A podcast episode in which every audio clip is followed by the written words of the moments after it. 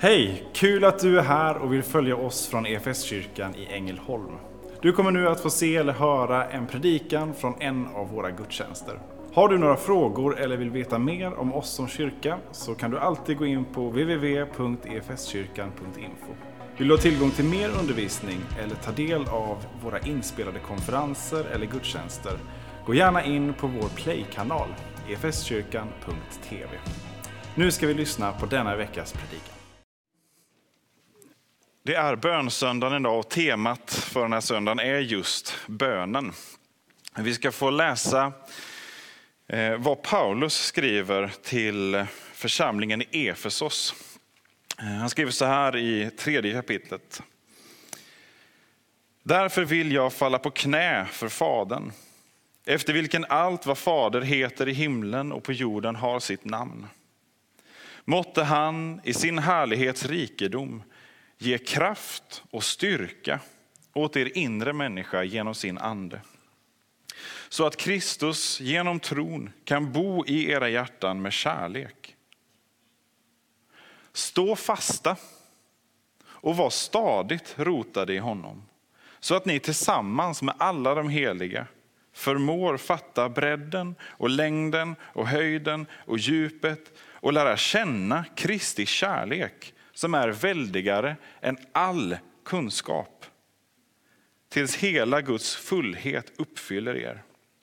Han som verkar i oss med sin kraft och förmår göra långt mer än vi kan begära eller tänka. Hans är härligheten genom kyrkan och genom Kristus Jesus i alla släktled i evigheters evighet. Amen.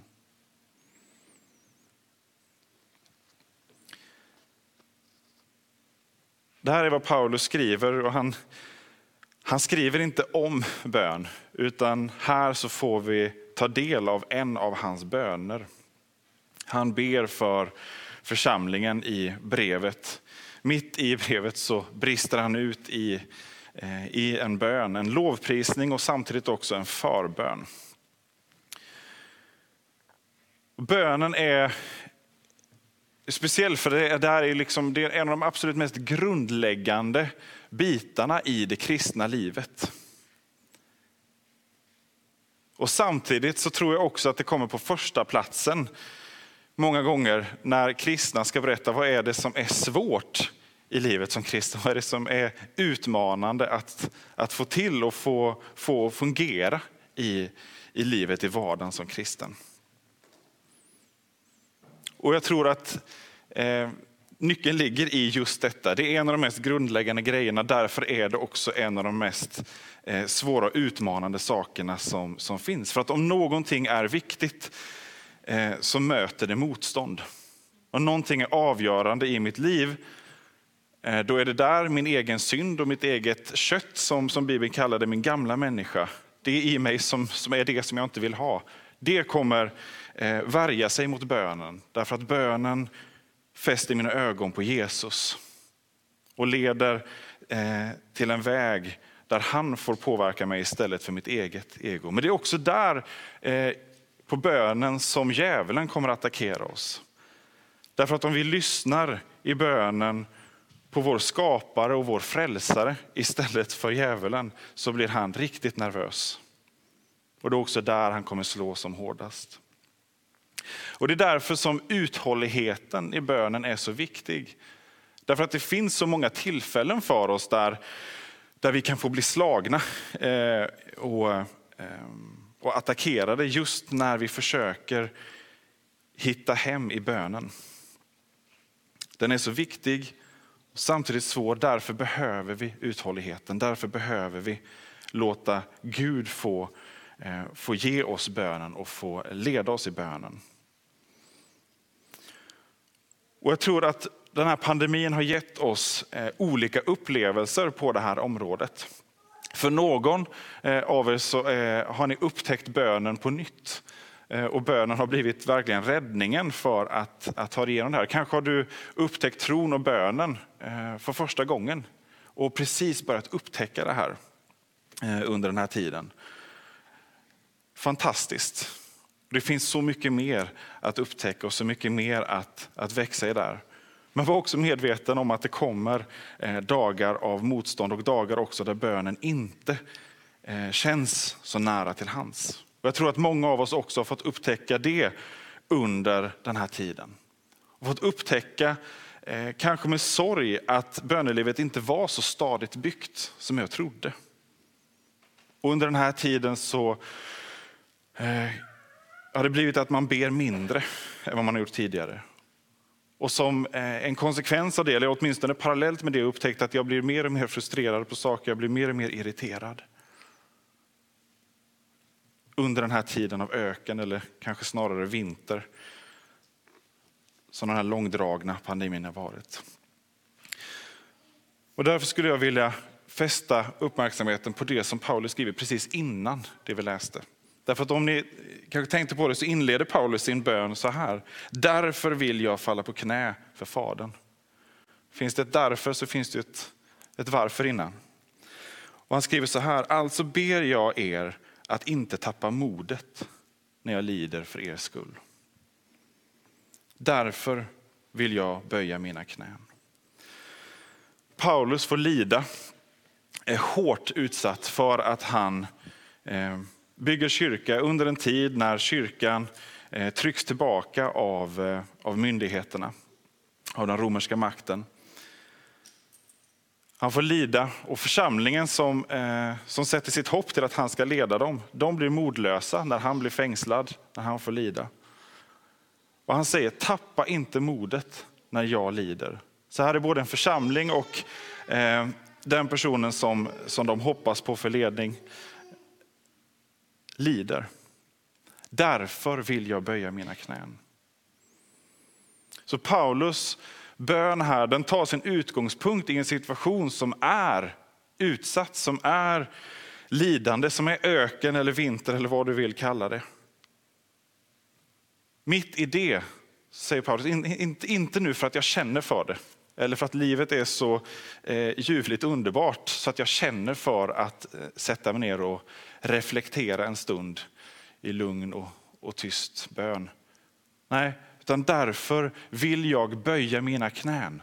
Just för att jag är mitt i det här lidandet. Just därför att jag skriver här till en församling som riskerar att tappa modet. Så vill jag böja mina knän. Jag vill överlämna allt böja mig inför Kristus. Och därmed så flyttas fokuset från lidandet, från omständigheterna, från modlösheten. Och istället så flyttas fokuset till Kristus. Och när det fokuset flyttas, då kommer också motståndskraften att kunna hålla ut, att kunna stå emot det som hela tiden vill bryta ner oss. Och genom den här bönen så är det en växelverkan som, som Paulus sa mellan att konstatera vem Jesus är, vad han har gjort och fästa blicken på det, tala om för sig själv och för församlingen vem Kristus är.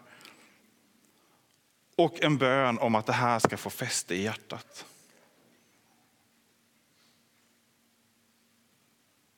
Jag tror att för många av oss så blir bönen någonting som vi har, vi har skapat alldeles för snäva föreställningar om vad bönen är för någonting eller vad det ska ha för form eller vad det är som, eh, som ska ge anledning till bön. Eh, att jag ber när, när, när anden faller på. Ja, det är underbart att du gör det, men, men om du inte känner det eller inte är uppmärksam på att anden manar dig till bön, vad blir bönen av då? Eller att jag, eh, det är så svårt att få tid att be. Jag, Eh, jag har inte tid att be. Jag lovar dig, eh, om problemet är att du inte har tid att be så kommer du inte få mer tid för att du väntar med att be. Det handlar om att se att här behöver vi hela tiden bli påminda om vem Jesus är. Och hela tiden få be om att det här ska få fäste i oss. Paulus skriver till en församling som har gått med Jesus. De vet vem han är, de har lärt känna honom. Och ändå så ber han att de ska få syn på Jesus, att de ska få bli fasta, stadigt rotade. Måtte han ge er kraft och styrka åt er inre människa så att ni kan stå fasta, stadigt rotade. Vanligtvis så får den här påminnelsen och förbönen eh, den får ske på plats här i församlingen, Eh, gudstjänsten, i hemgruppen eller andra eh, kristna gemenskaper som vi är vana vid att få träffas i. Och det är så viktigt att få påminna oss om det här då och gripa tag i det igen nu när det här inte ges oss gratis. Eh, eller åtminstone så mycket lättare som vi har varit vana vid. Och kanske har du som jag upptäckt att jag har, kunnat, jag har kunnat leva och kunnat andas därför att jag har fått vara buren av så mycket av kristna byggställningar som har funnits runt omkring mig. Men när allt det försvann så eh, syns jag att mitt eget bygge var, det var inte så stabilt. Kanske har du försökt reparera det här och tänkt att oh, många gånger tidigare i livet kanske, men nu, nu ska jag ta nya tag, nu ska jag få, få tag i min egna personliga bön och andakt. Och här tror jag att en av de farligaste begränsningarna finns som vi sätter på bön. Hur sant det än kan vara att det är fantastiskt att få, eh, få hitta den personliga andakten och, och den enskilda bönen. Och det är viktigt för Jesus kallar oss till den. Men bönen bärs av det gemensamma. Det är inte så konstigt att det är svårt att få till det här själv, att sätta en rutin själv, därför att bönen är en gemensam kallelse för Guds församling. Där vi i olika perioder kommer uppleva olika förutsättningar för det. En period så har, står, eh, står en person i, i ett böneflöde Eh, och det går eh, hur bra som helst. Och där finns då möjligheten att också få bära andra i bön som just i den perioden kämpar, inte orkar, inte kan, inte får till det, inte sätter ord på det. Därför att livet är inte statiskt. Det är inte att gå upp på en nivå, sen är vi på den nivån konstant tills vi tar nästa steg. Livet är precis den här brottningskampen. Därför så behöver vi varandra. Så när du upptäcker att det är svårt att, att be, när det är svårt att få till en god bönerytm eller rutin, så ta tag i någon annan. Be om hjälp. Vi behöver be med varandra och för varandra. Bara en sån enkel sak som att komma överens med någon om att vi ber på det här klockslaget varje dag så finns den gemensamma bönen som, som funkar på avstånd och som inte ens behöver en Zoom-uppkoppling för att det ska vara enhet i tron och gemenskap i bönen.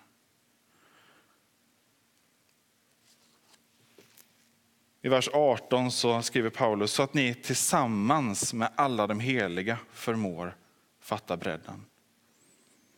I vers 21, hans härlighet, hans är härligheten genom kyrkan.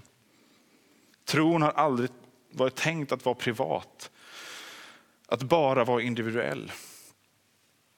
Vi behöver var och en möta Jesus. Vi behöver var och en ta ansvar för våra liv och, och våra handlingar. Därför behöver vi var och en få omvända oss och bekänna vår synd och ta emot förlåtelsen genom Jesus Kristus. Men enda anledningen till att vi kan göra det är att det finns en helig gemenskap, en kyrka som har burit det här budskapet. Och varje söndag i 2000 år bett för den här världen. Firat det här evangeliet. Tron har aldrig varit någonting privat. Även om den också är någonting personligt. Därför att isolerade, utan den här växelvisa samverkan med våra kristna syskon, så antingen så falnar tron och tynar bort. Eller så spårar den ur och får ett skevt fokus. Det är bara de två möjligheterna vi har om vi blir helt isolerade från, från våra kristna syskon.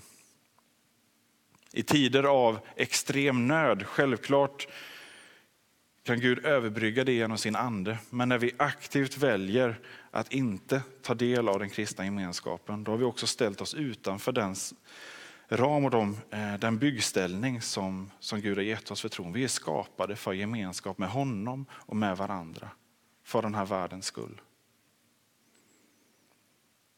Därför behöver vi varandra också i bönen, också i den personliga bönen. Det är ingen slump att det är lättare att be tillsammans. Klostren runt om i Sverige och världen, är de fulla av bra bedjare? Nej, de, de är fulla av dåliga bedjare. Men de är flera på samma plats. De har en bönbok och de har klockslag eh, och en klocka som talar om för, för dem när de ska be. Självklart är de bra bedjare, jag ska inte dissa våra kloster, men jag, det är så de talar om sig själva som dåliga bedjare. Därför behöver de det här ramverket. Och de som ber så mycket, som ber för, eh, för vår kyrka och som ber för den här världen och spenderar många, många timmar om dagen i bön. Om de vittnar om att det är svårt att be, men att nyckeln finns i det gemensamma, i rytmen, i överlåtenheten och i att ta tag i Guds ord. Så tror jag vi gör rätt i att lyssna på det. Den här rytmen och överlåtenheten det bygger en inre ställning, ett skelett hos bönen som sen också kan få kläs med med egna ord och där vi får öppnas för andens tilltal. Jag tror att i vår kyrkliga tradition så har vi eh, ibland alldeles för lätt eller för snabba för att avfärda eh, den skrivna bönen eller eh, de fasta klockslagen Eh, för bön. För vi, vi tänker att bön, men bön det ska vara det här härliga, spontana och eh, kreativa. Men när vi ser eh, Jesus be så är det med med saltarens ord han ber. Det är Jesu egen bönbok. Jag fick i unga år eh, rådet av eh, min mentor som jag hade då att sätt en rutin med att be saltarsalmer varje dag. Sen kan du be hur mycket mer du vill utöver det, men be saltaren varje dag. För när, när det kommer tunga perioder, då behöver du ha satt den här byggställningen att falla tillbaka på. Och Det har varit perioder då det verkligen bara har varit det. En psalm, en halv psalm, en psalmvers är det enda jag orkat, men det har Och vissa dagar har jag inte ens klarat det. Men då är det inte så långt tillbaka, en dag senare eller två dagar senare, när vi har fått bygga den här ställningen. Att få be saltaren att få använda den bibelboken, den har samma växelverkan som Paulus bön. Den förkunnar vem Gud är. Den ger oss ett språk och sanningar om Gud som vi i, vår, eh, i vårt egna liv och i våra egna eh, snäva behov och, och förbandsämnen som vi kommer på glömmer bort. Vi behöver få våra hjärtan öppnade, vi behöver få vår blick vidgad för vem Gud är. För det är bara det som kan ge våra hjärtan hopp. Det är bara det som kan ge våra hjärtan kraft att be. Det är bara det som kan ge våra hjärtan längtan att be och inte bara be för, för mina egna behov. Utan att bönen får växa och bli en bro till andra människor och eh, att få be för deras behov men också få upp ögonen för att oj, Gud vill använda mig för att möta människors nöd. Och så får de här urgamla bönerna, givna av Guds ande, få förkunna Guds sanning och samtidigt också få vara en skriande bön och förbön om att få landa på fötterna i livet. Det finns inga mer mänskliga böner än saltarens böner. De väjer inte för någonting. Och samtidigt finns det inga mer gudomliga böner. De finns mitt i Bibeln givna av Guds ande.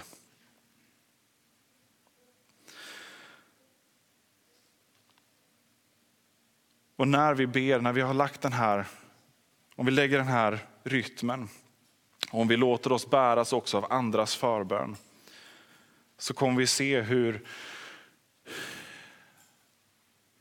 den här krampen och det dåliga samvetet kan få släppa, när det inte längre hänger på mig, när det inte längre hänger på eh, att jag ska vara pepp på B eller, eh, eller att jag ska få, eh, få den här timmen över på morgonen till den, eh, den fantastiska lovsångsstunden i min ensamhet. Om vi kan släppa de här eh, föreställningen om vad bön måste vara och gå tillbaka till Jesu egen bönbok. Och i det enkla, och just på grund av att det är en svår tid. Just på grund av att det är eh, kanske en extra svår situation i ditt liv just nu. Just därför, böj dina knän inför Fadern. Och så kommer vi över tid få se också hur det blir verkligt det som Paulus skriver och ber om här. Att vi får lära känna Kristi kärlek som är väldigare än all kunskap till hela Guds fullhet uppfyller er. Det är inga små löften. Och då är bönen någonting annat än bara en stund för att få en paus i, i vardagen. Bönen handlar om att få hela livet format och förvandlat av Herren själv. Han som har skapat hela världen. Han som verkar i oss med sin kraft och förmår göra långt mer än vi kan begära eller tänka. Han verkar i oss med sin kraft.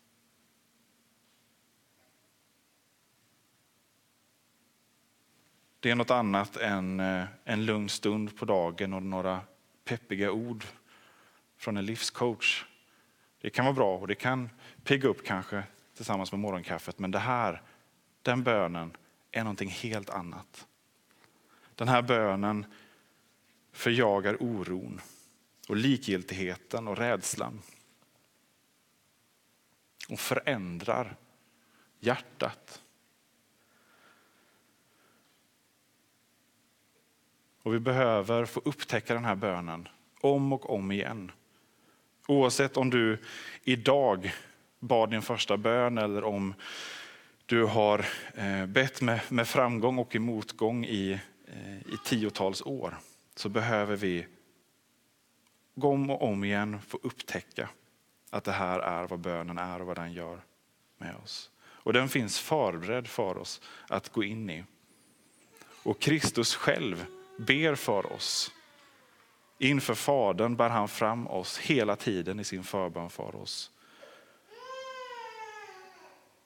Som inte annat, så böj dina knän och säg bara tack Jesus för att du ber för mig, i mig och med mig.